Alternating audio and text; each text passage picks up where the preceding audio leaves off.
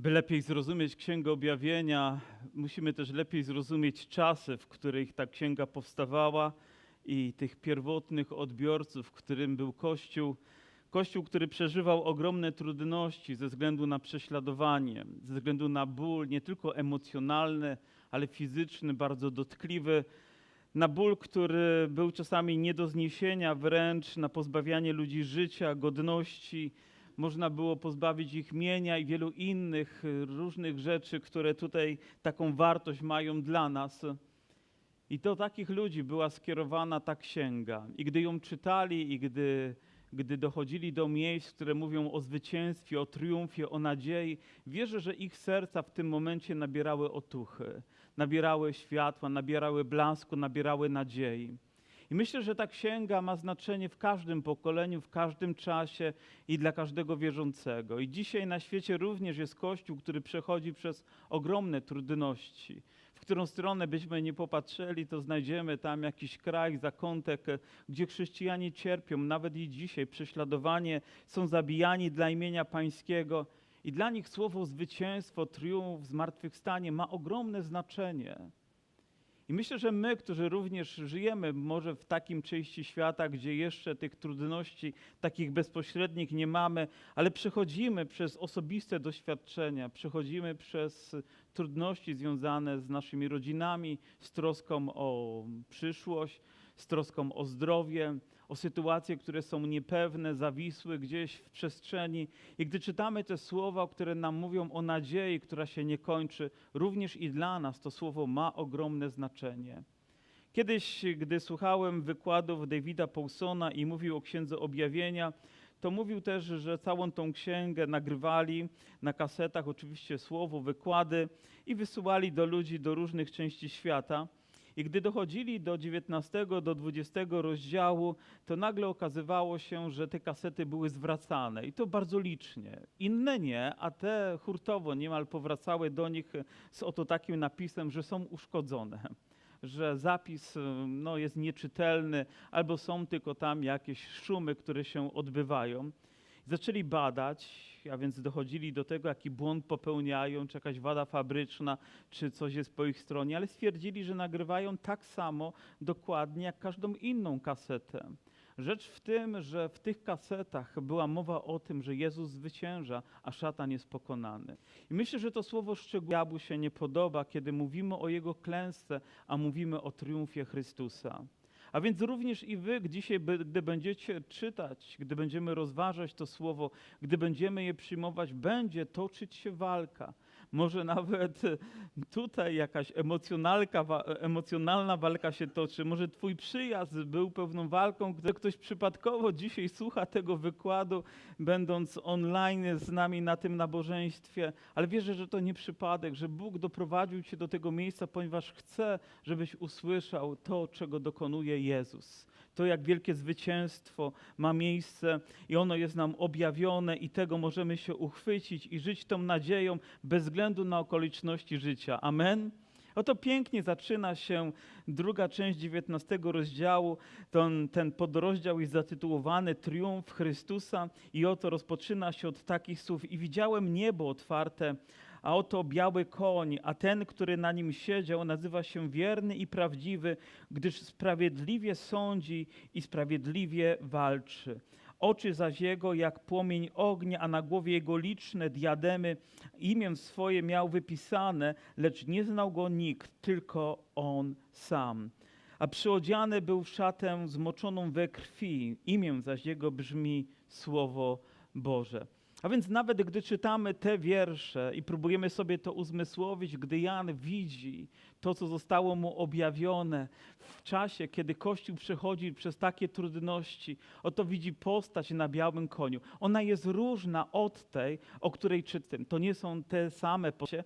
Być może ktoś próbuje tak to interpretować, ale widzimy ogromną różnicę. Tam widzimy cztery różne maści koni, które zapowiadają różne rzeczy, które mają i będą miały miejsce na ziemi, ale tutaj widzimy ponad wszelką wątpliwość króla, królów, Pana Wszechmogącego, który siedzi na białym koniu. Dla nas być może ten widok jest dość egzotyczny, wręcz historyczny, ale dla ludzi żyjących w tamtych czasach oni dobrze wiedzieli, że to zwycięski monarcha wkracza na arenę życia. Tak oto w ten sposób królowie i inni wjeżdżali do podbitych państw, miast, aby zademonstrować swoją siłę i swoją moc. Czy widzicie różnicę pomiędzy tym obrazem a innymi, w jaki sposób Jezus jest przedstawiany? Oto Pan, który zrzucił jakby tą maskę ziemską i przyodział się chwałę. Kiedy czytałem książkę C.S. Lewisa, Chrześcijaństwo po prostu, on powiedział, że Chrystus przychodzi bez przebrania, takim jakim jest, takim jakim my go również ujrzymy.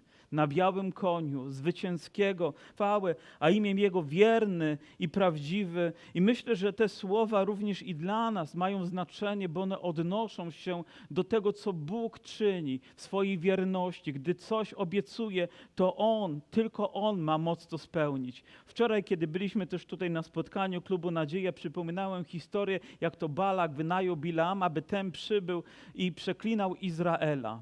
I oczywiście po różnych tam trudnościach, jakie się pojawiają po drodze, warto je przeczytać, bo w nich jest naprawdę ciekawa lekcja. Oto staje rzeczywiście przed Izraelem, ale zamiast wypowiadać słów przekleństwa, wypowiada słowa błogosławieństwa. Mówi, jak mam nie błogosławić tych, których Bóg błogosławi. Mówi, jak mam przeklinać tych, których Bóg nie przeklina, ale później też dochodzi, bo ta historia się tam powtarza kilka razy, próbują na nim wywrzeć presję, żeby jednak przeklinał, ale on mówi, czy Bóg jest tak jak człowiek, by nie dotrzymywać słowa?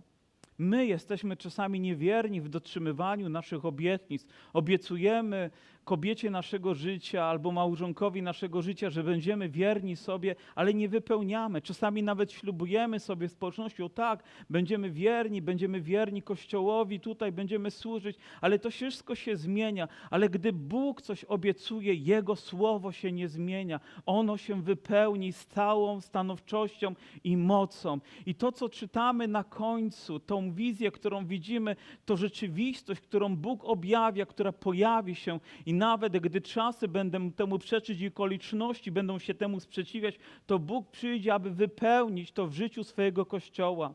I to jest również wspaniałe dla nas, bo gdy Bóg coś Tobie obiecał, gdy włożył jakieś ukryte słowa w Twoje serce, które stały Ci się tak bliskie, ale może trudności życia spowodowały, że gdzieś zostały przykryte kurzem zapomnienia, to one na nowo ożyją, a zwłaszcza wtedy, gdy przychodzimy przez trudności, zaczynamy wołać do Boga, wzywać Jego imienia, one zaczynają się wypełniać. Moja siostro, mój bracie, Pan nigdy Cię nie pozostawił, On jest zwycięzcą i On chce, żeby również i Twoje życie było zwycięskie, żebyśmy tak oczekiwali też Jego przyjścia, nie gdzieś w ukryciu jak dwa tysiące lat temu, ale triumfalnego, pełnego chwały i mocy. Amen.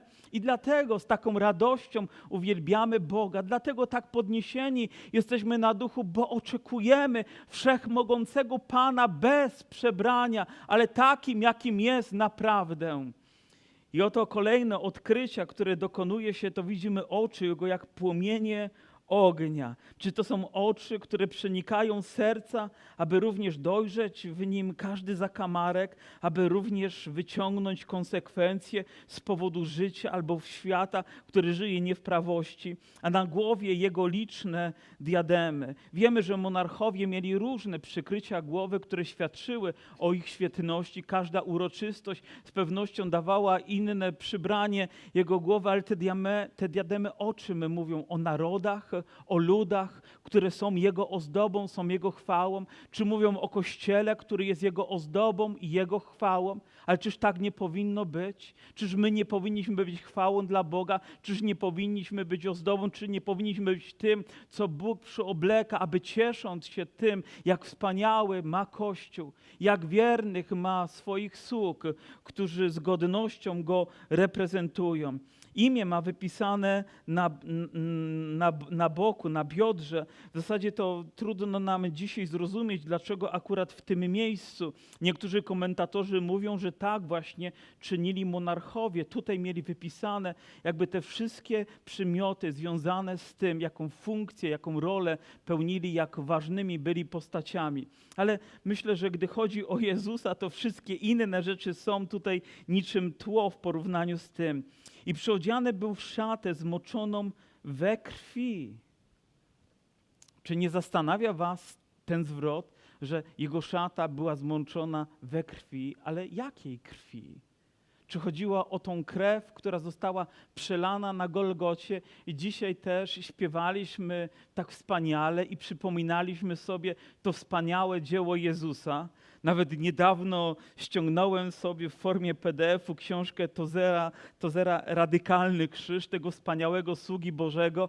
I on mówił, jedna rzecz, która dotyczy krzyża, to krzyż nie daje nam prawo do kompromisu, nie znosi kompromisu. Po prostu On stawia nas w Bożej obecności i On jakby demaskuje wszystko. Albo idziemy za Nim, albo nie idziemy. Ten kaznodzieja, jak widać, mówił, chyba nie wszystkim się to podobało, ale takim jest krzyż, ponieważ tam została przelana krew, ponieważ tam Jezus poniósł ofiarę. Czy dzisiaj widzimy ją na szacie Jego?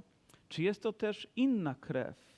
Krew tych, którzy próbowali z nim walczyć, ale przegrali. Już nie przychodzi w przebraniu, ale przychodzi jako zwycięzca. Może to być krew, ponieważ on jest teraz tym, który wymierza sprawiedliwość. Ktoś kiedyś nawet odważył się powiedzieć, on jest teraz tym, który nie jest zabity, ale tym, który zabija, który rozprawia się ze swoimi wrogami.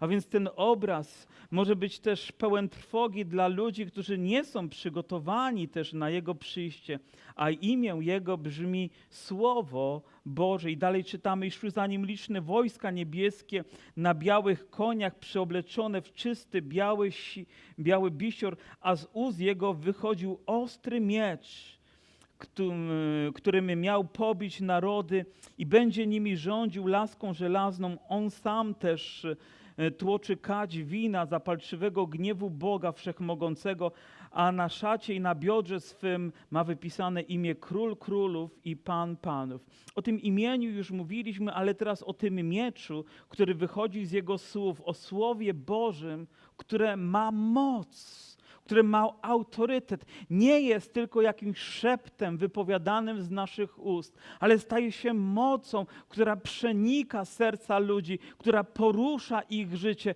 która dokonuje tak radykalnych zmian. W Jeremiasza czytamy, że Słowo Boże jest jak młot kruszący. W liście do Hebrajczyków czytamy, że Słowo Boże jest jak miecz obosieczny, potrafiący przenikać. I takim ono jest. I myślę, że my również, jako wierzący ludzie, słuchając nieraz zwiastowania, czytając Boże Słowo, ono przenikało, ono dotykało, ono sprawiało, że pojawiały się łzy na naszych oczach. Ono ma moc rozprawić się z wszelkim przekleństwem, z wszelkim złem, ale ono również jedynie ma moc przynieść błogosławieństwo, które wypowiadamy. Gdy Bóg rzekł i stało się, stał się ten świat, został stworzony Jego mocą i gdy Bóg wypowiadał słowa, to wszystko się zmieniało w okolicznościach i następowało Jego triumfalne zwycięstwo. Więc tak bardzo spragnieni jesteśmy Jego słowa.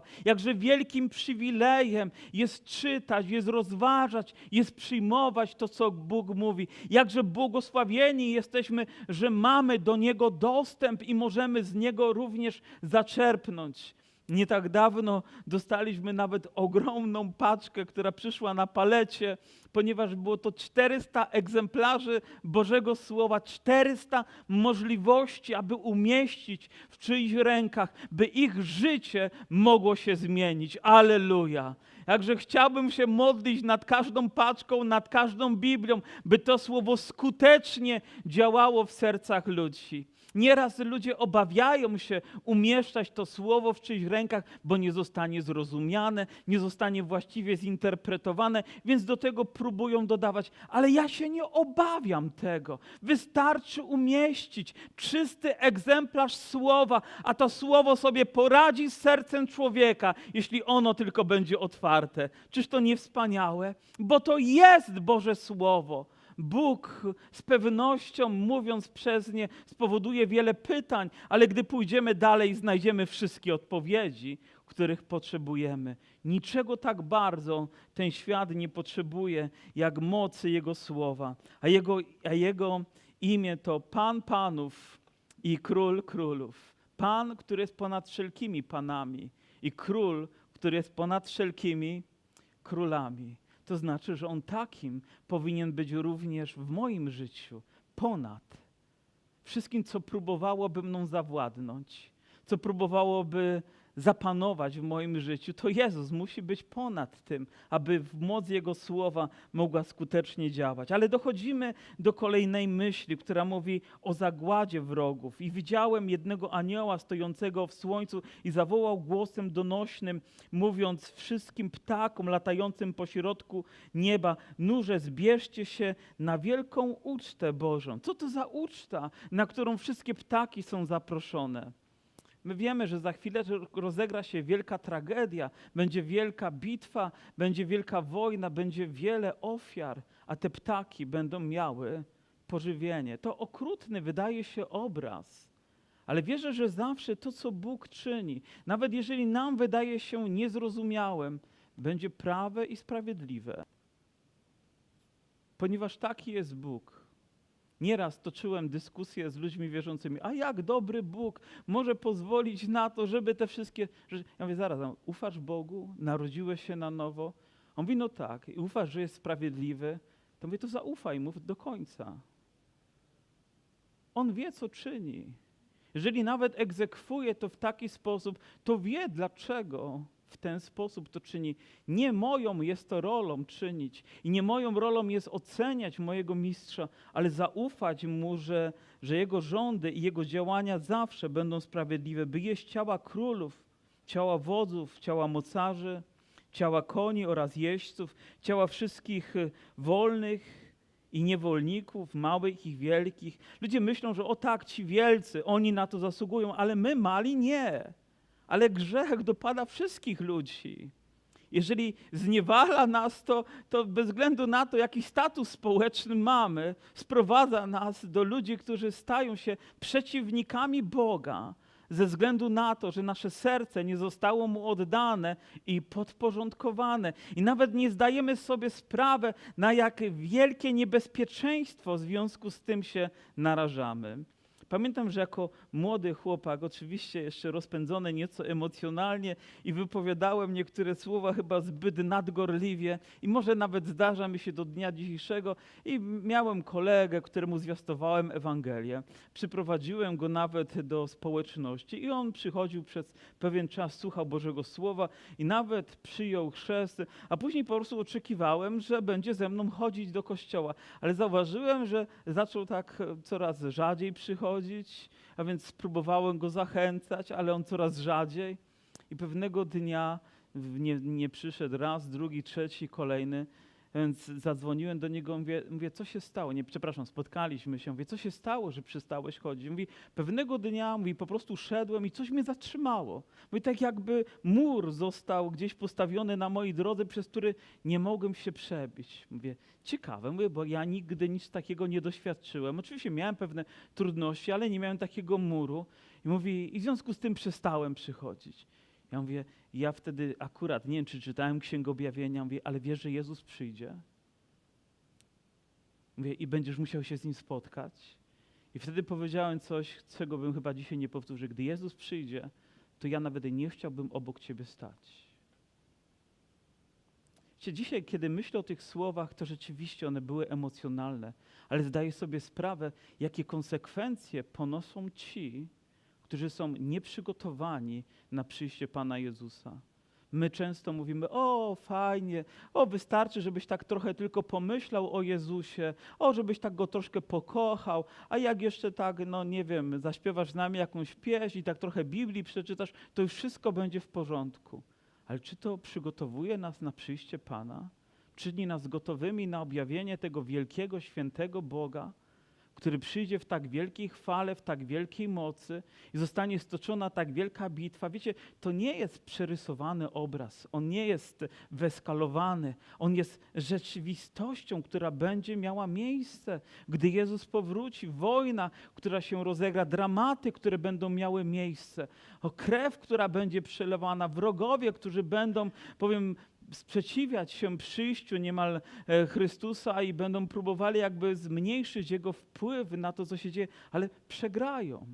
Nieraz myślę w ten sposób, jak dobrze, że zostałem postawiony po tej właściwej stronie zwycięzców. Jak dobrze, że moje serce gotowe. Jak dobrze, że nie muszę obawiać się Jego przyjścia. Jak dobrze, że nie muszę się obawiać tego, że moje serce uderzy po raz ostatni, ponieważ gdzieś w duchu moim, poprzez, poprzez oddanie życia, poprzez modlitwę, poprzez uwielbienie, poprzez czytanie Bożego Słowa, Bóg po prostu mnie na to przygotował i przygotowuje mnie cały czas. I ja chcę w tym trwać, bo widzę, jak straszne rzeczy mają miejsce w życiu tych, którzy nie są gotowi. A więc gdyby znalazła się jedna osoba, która ma wątpliwości, która nie jest gotowa, która prowadzi letnie życie, to wiecie, nic innego nie miałbym do powiedzenia, jak nawróć się, jak zmień swoje życie, przyjdź na nowo do Chrystusa i rozbłyśnij dla Niego i bądź gotowy każdego dnia, tak jakby to już dzisiaj miało nastać, bo Jego dzień z pewnością nadejdzie. Wiemy, że ten, ten, ten fizyczny czas Jego przyjścia będzie będzie z pewnością poprzedzony jeszcze wieloma różnymi rzeczami, które będą miały miejsce, ale ja powinienem być gotowy. Więc nie rozumiem, dlaczego miałbym się lękać, dlaczego miałbym być bojaźliwy, skoro wiem, jakiego mam Pana zwycięskiego.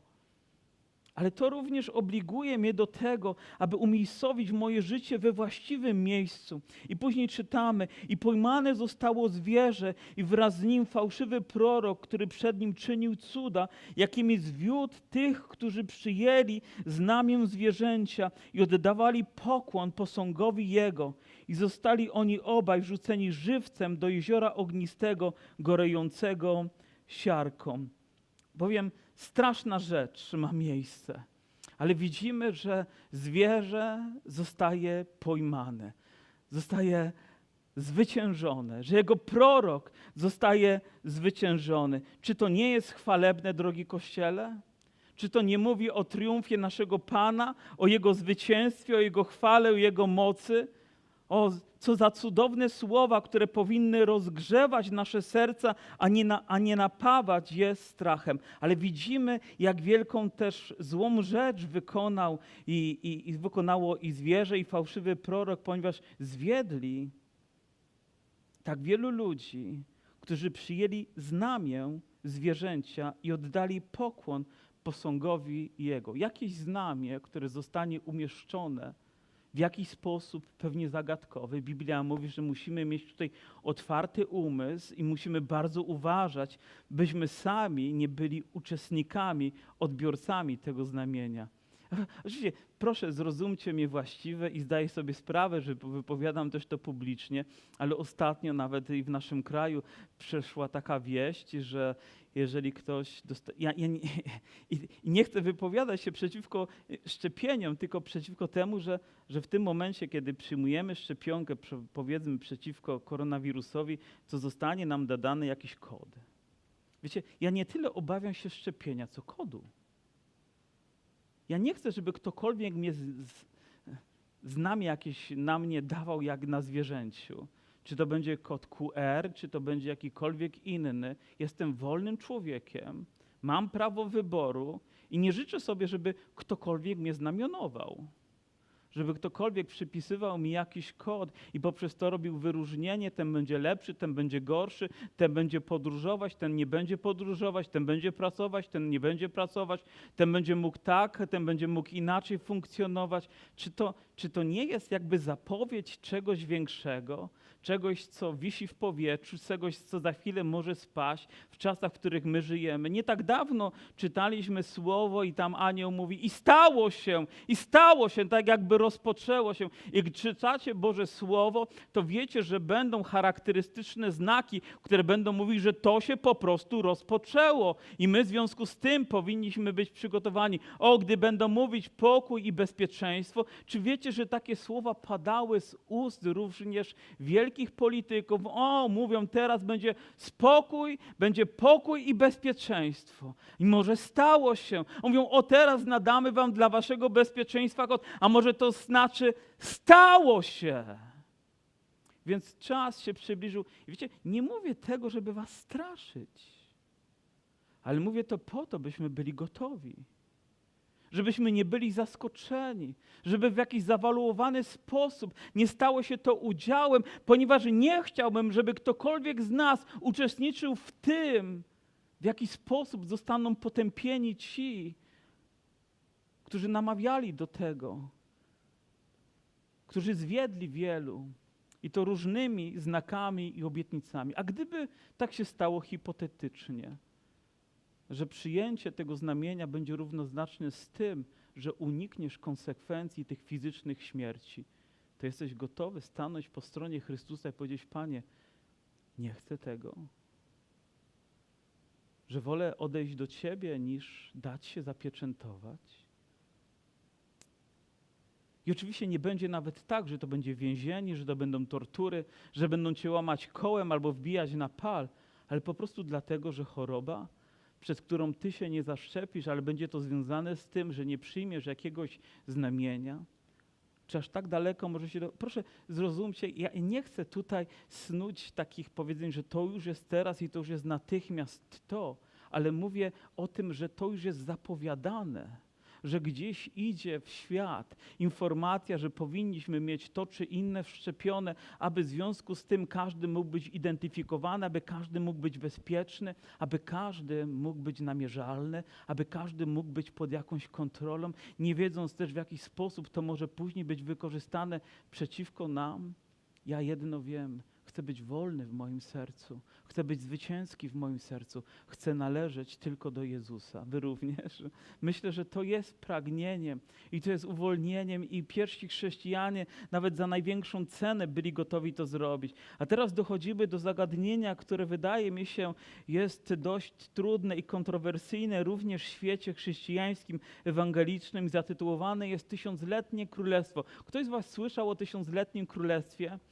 Tysiąc, to znaczy milenium, a więc mi, mileniaryzm, tak ta nauka się nazywa, dotycząca tysiącletniego królestwa i Bożego panowania przez tysiąc lat.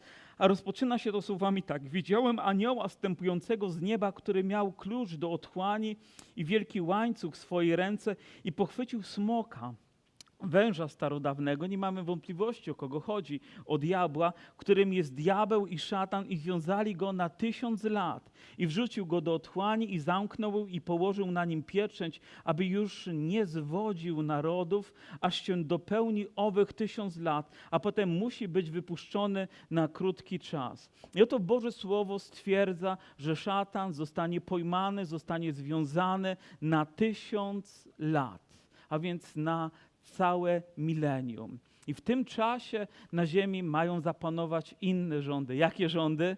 Chrystusowe rządy, to On przychodząc zacznie panować na ziemi. To ludzie będą pod Jego władaniem, pod Jego wpływem, aż trudno sobie to wyobrazić, że, że Boże prawo zostanie tak rozprzestrzenione. Ale niektórzy próbują nieco inaczej interpretować ten fragment, że to chodzi o takie duchowe spojrzenie na rzeczywistość, że to tysiącletnie królestwo nie jest tak rzeczywiste, tylko jest takie po prostu jak w przenośni niemal nam powiedziane. Niektórzy uważają, że ono rozpoczęło się w chwili, kiedy Jezus zwyciężył na Golgocie i ten okres życia Kościoła, funkcjonowania Kościoła jest po prostu tysiącletnim królestwem. I znajdziecie z pewnością wyznania, które w ten sposób to interpretują. Niektóre znowu interpretują to nieco inaczej i mówią, że to w taki też nieokreślony sposób kiedyś nastąpi, a zwieńczeniem tego będzie powtórne przyjście Chrystusa. Ale zaraz, zaraz. Ja tu widzę, że Chrystus przychodzi wcześniej, zostanie związany diabeł i dopiero następuje tysiącletnie królestwo, a więc my musimy być tu premileniaristami, tam, którzy wierzą, że w ten sposób to się odbędzie. I ja również w ten sposób, w ten sposób wierzę, że Chrystus najpierw musi przyjść, szatan musi być związany, aby mogło rozpocząć się to tysiącletnie królestwo, które dla mnie będzie po prostu trwać przez tysiąc lat. Jak widzicie, jestem dość prosty w mojej wierze. Czy ona wystarcza, żebym był szczęśliwym? Absolutnie, ponieważ oczekuję tego królestwa.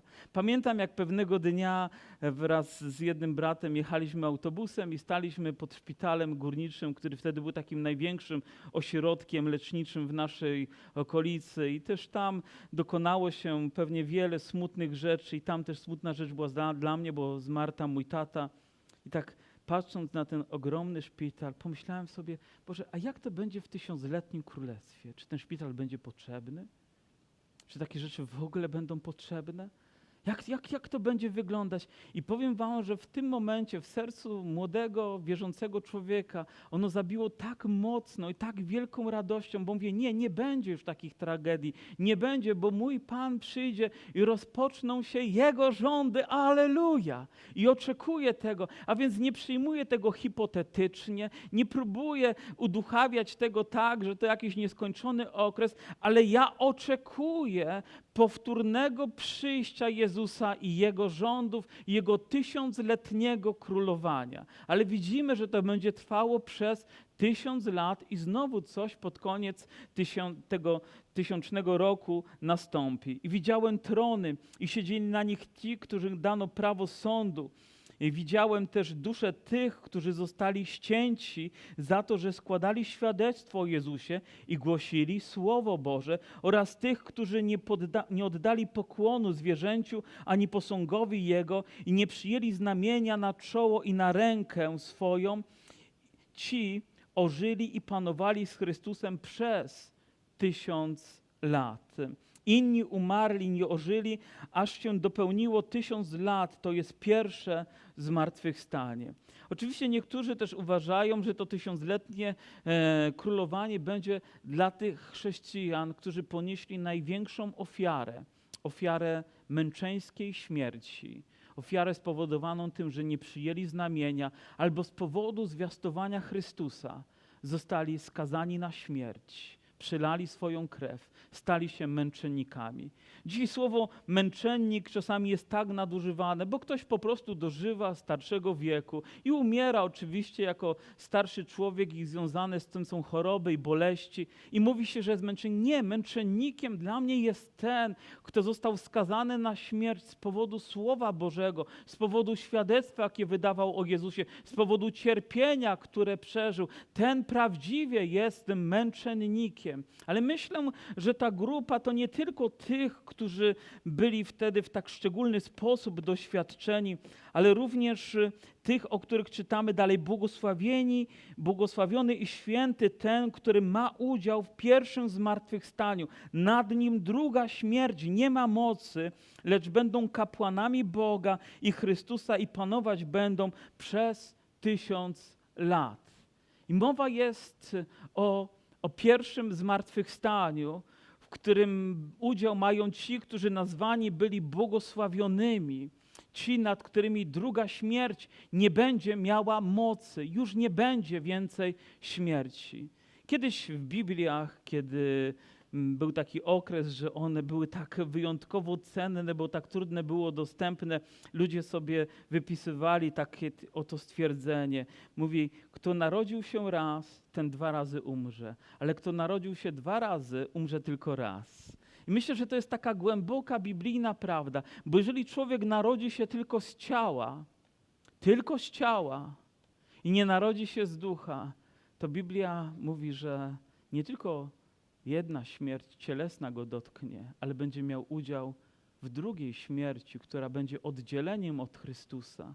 Będzie spowodowana największym bólem, jaki człowiek może sobie wyobrazić. I nie chcę tutaj też uzurpować sobie prawa do tego, by wiedzieć, jak to będzie wyglądać, jak te męki będą przebiegać. Nie mnie jest tutaj zabierać zdanie, tylko czytam Boże Słowo i stwierdzam pewien fakt, że tak będzie miało miejsce. Niektórzy mówią, ale Bóg nie może być tak niesprawiedliwy, żeby to trwało w nieskończoność. Ale to wciąż nie jest moja sprawa, to jest Boża sprawa. A ja po prostu ufam Bogu, że On wie, co czyni. Ja tylko mam udział w tym, żeby moim udziałem było pierwsze zmartwychwstanie. Bo błogosławiony jest ten, który powstanie, aby żyć z Chrystusem, aby razem z Nim panować i również w tysiącletnim królestwie.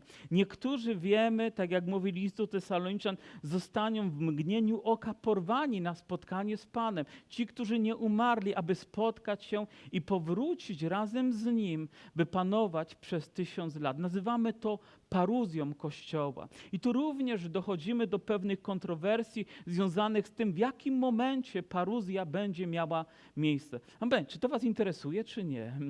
Nie, ja, ja mam wrażenie, że dzisiaj w kościołach, wybaczcie, że to powiem, ludzie mówią kazania i tylko cytują poszczególne fragmenty z Księgi Objawienia, jakby podprze, podeprzeć pewną tezę, którą oni mają do powiedzenia. Ale rzeczą zasadną jest po prostu czytać tą księgę, ona na to zasługuje i rozważać ją taką, jaką ona jest i wyciągać z niej te biblijne, głębokie lekcje, aby one towarzyszyły naszemu sercu, a nie były tylko dodatkiem, jakimś wycinkiem. Ta księga jest zbyt ważna, by tak marginalnie ją lekko traktować. To o tej księdze mówi się, że cokolwiek zostanie dodane, powiem do niej, to zostanie dodane z czegoś, z czym nie chcielibyśmy mieć udziału, a jeżeli my coś ujmiemy, to ujęte zostanie z tego, w czym chcielibyśmy mieć udział, a więc musimy bardzo uważać, by z wielką i należną powagą odnosić się do tego, co tak się objawia, bo ona dla nas dzisiaj może być tak kluczowa i ważna, abyśmy właściwie ją rozumieli. I moją odpowiedzialnością również jako pastora, jako lidera zboru jest przygotowywać was, by ktokolwiek w jakimkolwiek momencie nie powiedział mi, ale nie powiedziałeś mi o tym, nie powiedziałeś mi, że Pan przyjdzie, nie powiedziałeś, że mam być gotowy, nie powiedziałeś mi, że mam rozstać się ze starym życiem, z moimi grzechami i moje serce jest niegotowe. Nie, nie mogę zaprzestać, nie mówić o tym, ponieważ jest to zbyt cenne dla każdego z Was, kto dzisiaj jest na tym miejscu. A więc mówimy o tym momencie, w którym tam momencie ta paruzja przyjdzie. Ona, niektórzy mówią, o jak tylko się zacznie wielki ucisk, to od razu, bez żadnych konsekwencji idziemy do Pana, a później wracamy razem z Nim. Już wiecie i podkreślałem to, że ja myślę nieco inaczej, że wielki ucisk będzie trwać. Przyjdą te dramatyczne rzeczy z Księgi Objawienia i Pan rzeczywiście w pewnym momencie powie dość. Ani sekundy dłużej nie pozostawię tu mojego kościoła. Nie pozwolę na to i zabierze nas, ale On zadecyduje kiedy. Abyśmy mogli być razem z Nim, a później przyjść. Słowo paruzja dla nas jest zagadkowym słowem, ale dla ludzi w tamtych czasach była zrozumiała. Odnosiła się do pewnego zagadnienia, które związane było z tym, że do miasta nadciąga monarcha. A więc ludzie, którzy są w tym mieście, są dostojnikami, są ważnymi postaciami, otwierają bramy i wychodzą na spotkanie tego monarchy, aby wprowadzić go do miasta.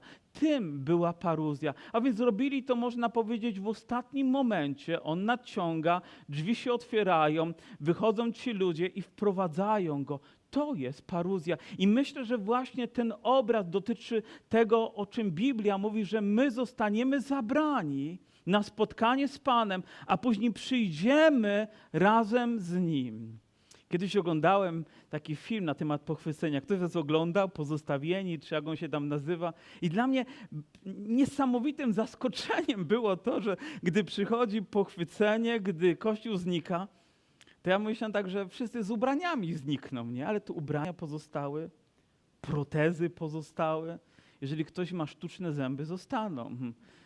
Jeżeli masz jakąś śrubę w biodrze, ona zostanie, ponieważ Bogu jest niepotrzebna. Naprawdę nie będzie z tego statku kosmicznego budować. I inne rzeczy. Twoje, twój portfel zostanie tutaj na ziemi, twoje okulary zostaną, moje soczewki kontaktowe zostaną. Chciałbym iPhone'a zabrać, ale też zostanie. Wiem, wszystko zostanie, ale my będziemy z Panem. A później będziemy razem z Nim, sprowadzeni tutaj, by rozpoczęły się Jego rządy. Wiecie, że musimy być do tego przygotowani? My będziemy rządzić. Podoba nam się to. Młodzi mówią, rządzimy. To chrześcijanie mówią, będziemy rządzić razem z Chrystusem. Będziemy razem z Nim. Uzdrowienie. Czyż to nie cudowne? Wydaje się jak bajka, wydaje się wręcz nierealne. Rabini nauczali, że Gog i Magog zgromadzą swoje siły przeciwko Jerozolimie, ale zostaną pokonani przez to wszystko to, co może sprzeciwić się Bogu i co znajdzie swój wyraz. I może też trudne dla nas wydawać się to, że jak to, jeszcze będzie czas próby, że jeszcze będziemy poddani pewnym naciskom. Ktoś powiedział, uwolnienie diabła oznacza okres doświadczeń dla chrześcijan i są chwile, gdy czas próby jest niezbędny, o ile rzeczywistość wiary ma być zachowana. Gdzie Bogu nigdy nie chodziło o to, by człowiek w sposób automatyczny oddawał Mu chwałę. Ale nawet i wtedy zostaniemy poddani próbie, aby, nasza wiara była wiarą, abyśmy dochowali wierności. I przez to również przechodzimy i dzisiaj, poddani próbom, zastanawia się dlaczego, po co, Bóg ma odpowiedź, aby Twoja wiara była rzeczywistością, abyś dochował wierności, abyś był zwycięski, aby Jezus triumfował w Twoim życiu, a Ty, abyś mógł żyć z Nim w nieskończoność, panować przez tysiąc lat, aby Jego chwała mogła się objawić. Amen? Amen. Miałem skończyć w tym tygodniu. Przyznaję się do grzechu, nie skończyłem. Jeszcze jedno kazanie będziemy musieli powiedzieć w tej sprawie, to znaczy Duch Święty i ja, e, żeby, żeby zakończyć tą księgę, ale obiecuję, że przed świętami zakończymy. Powstańmy. Powstańmy. Przyjdźmy przed Jego tron, wiedząc, że rzeczą dobrą dla Bożych dzieci jest uwielbiać imię swojego wszechmogącego Boga. Wiemy, że pewnego dnia zostanie otwarta księga i że wszyscy, którzy nie zostali w niej zapisani, nawet ciężko wypowiedzieć te słowa, jakie będą mieli konsekwencje, ale wszyscy ci, którzy zostali w niej umieszczeni, ci, którzy należą do Chrystusa, będą błogosławieni. My, nam, my nawet nie wiemy, w jakim momencie to nasze imię jest zapisane, ale cała Biblia jakby krzyczy, by nie zostało nigdy wymazane. By gdy księga zostanie otwarta i gdy będziemy słuchać, usłyszymy swoje imię. Kiedyś byłem w obozie, znaczy, przepraszam, w Muzeum Yad w, w, to jest koło Jerozolimy, to jest muzeum, które ukazuje Holokaust. Jest niezwykle ciekawie zbudowane, bo rozpoczyna się od takich, wydawałoby się, potyczek politycznych, które przerodziły się w najgorszą eskalację gniewu i nienawiści i zła, jaka mogła się rozpętać i rozpętała się na świecie. Ale kiedy idziecie przez to muzeum, słyszycie też imię nazwisko, imię i nazwisko, imię i nazwisko. I w nieskończony sposób przez 24 godziny na dobę to jest czytane, czytane, czytane, czytane. I zastanawiasz się, dlaczego. To są ofiary wszystkich ludzi, którzy zostali zabici w Holokauście w różny bestialski sposób. Ale mówi, ale dlaczego są czytane? I wtedy przewodniczka powiedziała, byśmy pamiętali byśmy nigdy nie zapomnieli. Wiecie, Bóg nigdy nie zapomni naszego imienia. Nigdy. Nigdy. tych, którzy są mu wierni, tych, którzy należą do Niego. Pochylmy dzisiaj nasze głowy przed Bogiem. Otwórzmy przed Nim nasze serca. Zróbmy to z największą szczerością. Być może dzisiaj to słowo było do Ciebie, a ono jest żywe, aby Pan przygotował Ciebie na to, co przyjdzie, na spotkanie z Nim. Przygotował Twoje serce, aby w pokoju mogło oczekiwać, z nadzieją oczekiwać, z tęsknotą wyczekiwać Jego przyjścia. Ale dzisiaj w Twoim sercu jest gniew. Dzisiaj w Twoim sercu może być złość. Dzisiaj w Twoim sercu jest bunt. To nie jest właściwa postawa. Proszę przyjdź dzisiaj do Jezusa. Przyjdź z otwartością swojego serca. Przyjdź prosząc o przebaczenie. Przyjdź, będąc wolny w swoim sumieniu, oczekując Pana. Dzisiaj myślisz o tym słowie i mówisz, a co z moimi bliskimi? I ja mam takie myśli.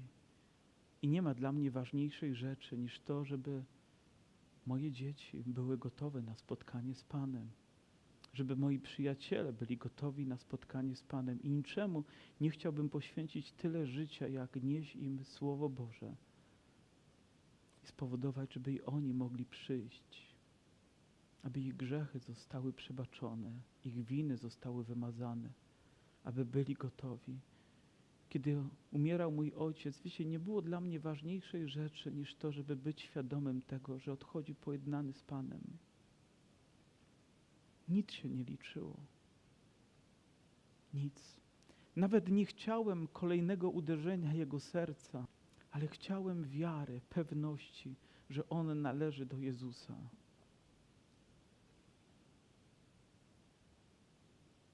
Może ktoś z Was dzisiaj potrzebuje modlitwy o siebie.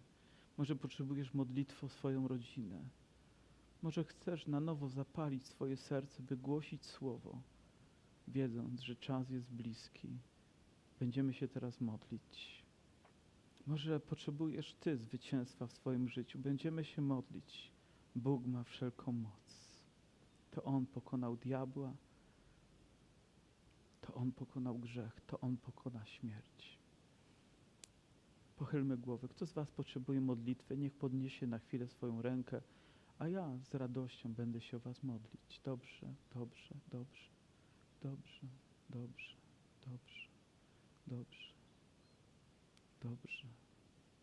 Panie, tylko Ty, tylko Ty możesz sprawić, że nasze serca dzisiaj zostaną zanurzone w niezmiernych potok, które przynosi pokój, wolność, zystwo, nadzieję.